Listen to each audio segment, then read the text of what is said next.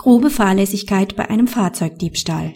Derjenige, der in Polen den Diebstahl seines Pkw ermöglicht, indem er aus seinem Fahrzeug aussteigt, dabei die Schlüssel stecken lässt, um den Pkw herum auf die Beifahrerseite geht und sich dort mit einem Passanten unterhält, handelt grob fahrlässig.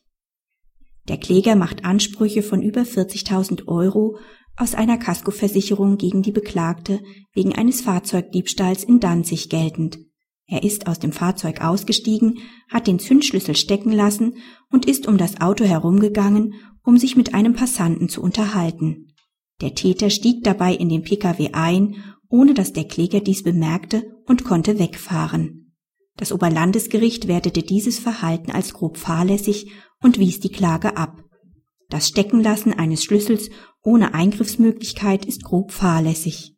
Das Unterlassen der erforderlichen Sicherungsmaßnahmen ist nicht nur objektiv, sondern auch subjektiv grob fahrlässig.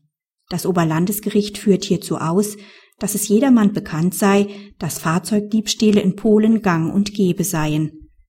Gerade der Hinweis auf den Tatort war für das Oberlandesgericht ein wesentlicher Gesichtspunkt bei der Bewertung des Verhaltens als grob fahrlässig.